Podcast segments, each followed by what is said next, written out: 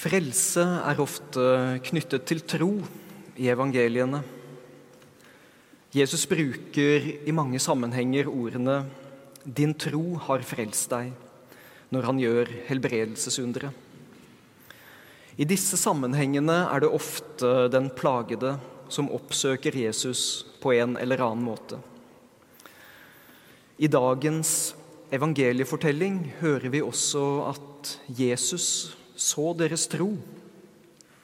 Men noe en kanskje ikke legger merke til med en gang, er at det er ikke den lammes tro Jesus ser, men troen til de fire som bærer ham frem, og som firer ham gjennom taket. Han som er lam, kan jo ikke gå selv, og er ikke i stand til å oppsøke Jesus på egen hånd. Han sier heller ingenting i denne fortellingen, så kanskje lammelsen også påvirker talen og har gjort ham stum og ute av stand til å påkalle noens oppmerksomhet? Det vet vi ikke, men i så fall er han helt avhengig av andre, og hans behov for hjelp må bæres av andres tro. Dette er et viktig poeng, syns jeg, og jeg kommer tilbake til det. Men noe annet en kan stusse over, er hvordan Jesus møter den lamme som blir båret frem for ham. Et menneske som ikke kan røre seg, møter han med ordene 'Dine synder er tilgitt'. Og I denne sammenhengen er det verdt å understreke at det er ikke den kroppslige tilstanden som er sentral, men heller at et menneske er ute av stand til å nærme seg Gud av en eller annen grunn. Mange har et anstrengt forhold til synsbegrepet. Det er mange og ofte gode grunner til det. Ordet synd og kanskje spesielt betegnelsen, betegnelsen synder, har blitt brukt som maktmiddel for å undertrykke, for å utstøte og for å usynliggjøre mennesker. Det har blitt brukt til å skape skiller mellom dem som er innenfor, og dem som er utenfor. Og når vi hører ordet synd, tenker mange ofte på noe galt vi har gjort, syndige handlinger, noe vi bærer skyld for, og som vi bør skamme oss over og helst gjøre opp for. Men synsbegrepet kan også forstås på en annen måte. Som det som skaper avstand mellom oss og Gud. Eller til og med som avstanden i seg selv. Og det som skaper avstand, eller hindrer gudsforholdet vårt, er veldig ofte noe vi ikke har skyld i selv. Det kan f.eks. være at vi har vært utsatt for dårlig forkynnelse om hvor syndige eller dårlige mennesker vi er. Ting som blir sagt til oss eller gjort mot oss, kan resultere i et dårlig forhold både til Gud, til oss selv og til andre mennesker, helt uten at vi kan for det. Det blir til en syndebyrde som vi ender opp med å bære, selv om vi ikke har skyld for den. Like fullt kan den hindre, oss i å nærme oss Gud. Denne forståelsen kan, kan, kanskje kaste lys over det Jesus sier. For denne mannen på båren har vært tynget av synd, og denne synden blir han nå befridd fra. Det som har tynget ham, er noe som har gjort det umulig for ham å nærme seg Gud, eller i det hele tatt å ha et gudsforhold. Dermed blir synsforlatelsen det som gjør det mulig for ham å bevege seg i Guds retning igjen. Lammelsen blir et bilde på manglende frihet til å søke Gud. Slik blir han avhengig av at vennene bærer ham frem dit Jesus er. Og Her tror jeg fortellingen også sier noe viktig om troen og om kirka. Troen er ikke alltid noe vi greier å bære på egen hånd. Det er de fire bærernes tro som bringer den lamme til Jesu oppmerksomhet. Det er deres tro Jesus ser, men det er den lamme som mottar velsignelsen. Når vi ikke er i stand til å nærme oss Gud på egen hånd, er det fortsatt mulig å bli båret frem til Gud av andre. Denne funksjonen er det Kirka ideelt sett skal fylle.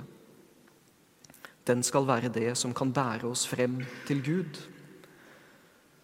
For Kirka er fellesskapet av troende som representeres av de fire vennene. Den lamme er hver og en av oss som kan oppleve at vi ikke alltid greier å tro, som ikke opplever noe vi kan gjenkjenne som guddommelig nærvær. Det er alle som gjerne skulle nærmet seg Gud, men ikke greier det. Den troen vi ikke greier å finne i oss selv, kan likevel finnes i andre. Og den finnes i kirka. Noe av det viktigste kirka og det troende fellesskapet gjør, er å bære troen på våre alles vegne.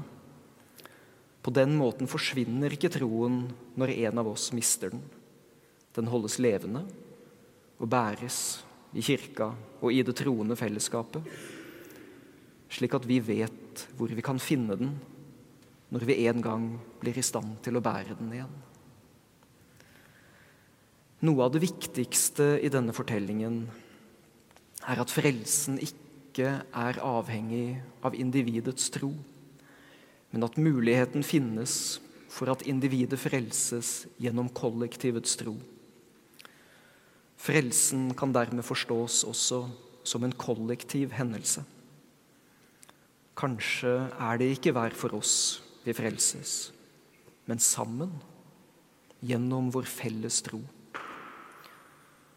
Heller enn å opphøye den heroiske, individuelle saligheten inviterer Jesus oss til å la oss bære frem av våre troende søsken.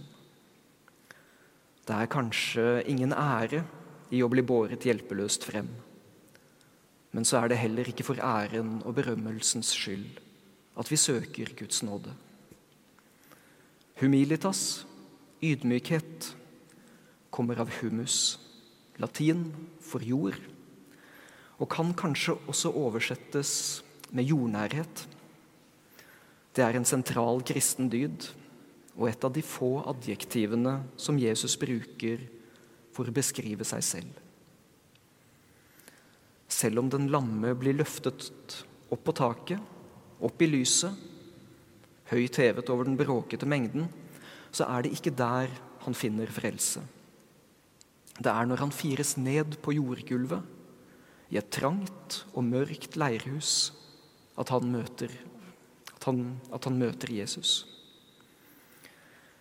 Her nede får han sin kraft tilbake, ikke på noen måte ved egen hjelp eller etter egen fortjeneste, men fordi han er del av et fellesskap som har båret ham fram i tro og håp på hans vegne. Det er ingen ære eller stolthet i dette for ham. Men han får sin frihet. Frihet fra synd, frihet til å bevege seg, frihet til selv å tro. Han bærer selv båren sin når han går derfra. Tegnet på at han nå også er i stand til å bære andres bårer og andres byrder. I det trosfellesskapet som kirka er, beveger vi oss alle gjennom disse tilstandene. Ofte både frem og tilbake mellom dem. Vi starter med å bli båret frem for Gud i dåpen.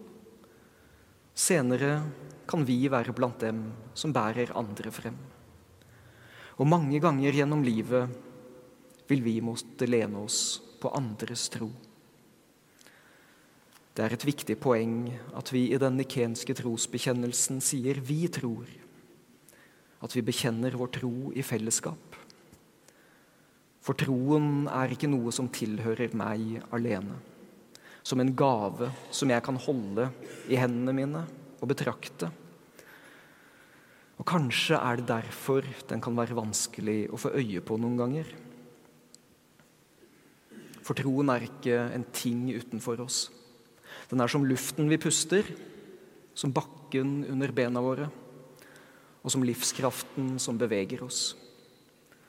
Den omslutter ikke bare oss, men bærer og beliver alt som finnes. Troen søker oss minst like ivrig som vi søker den.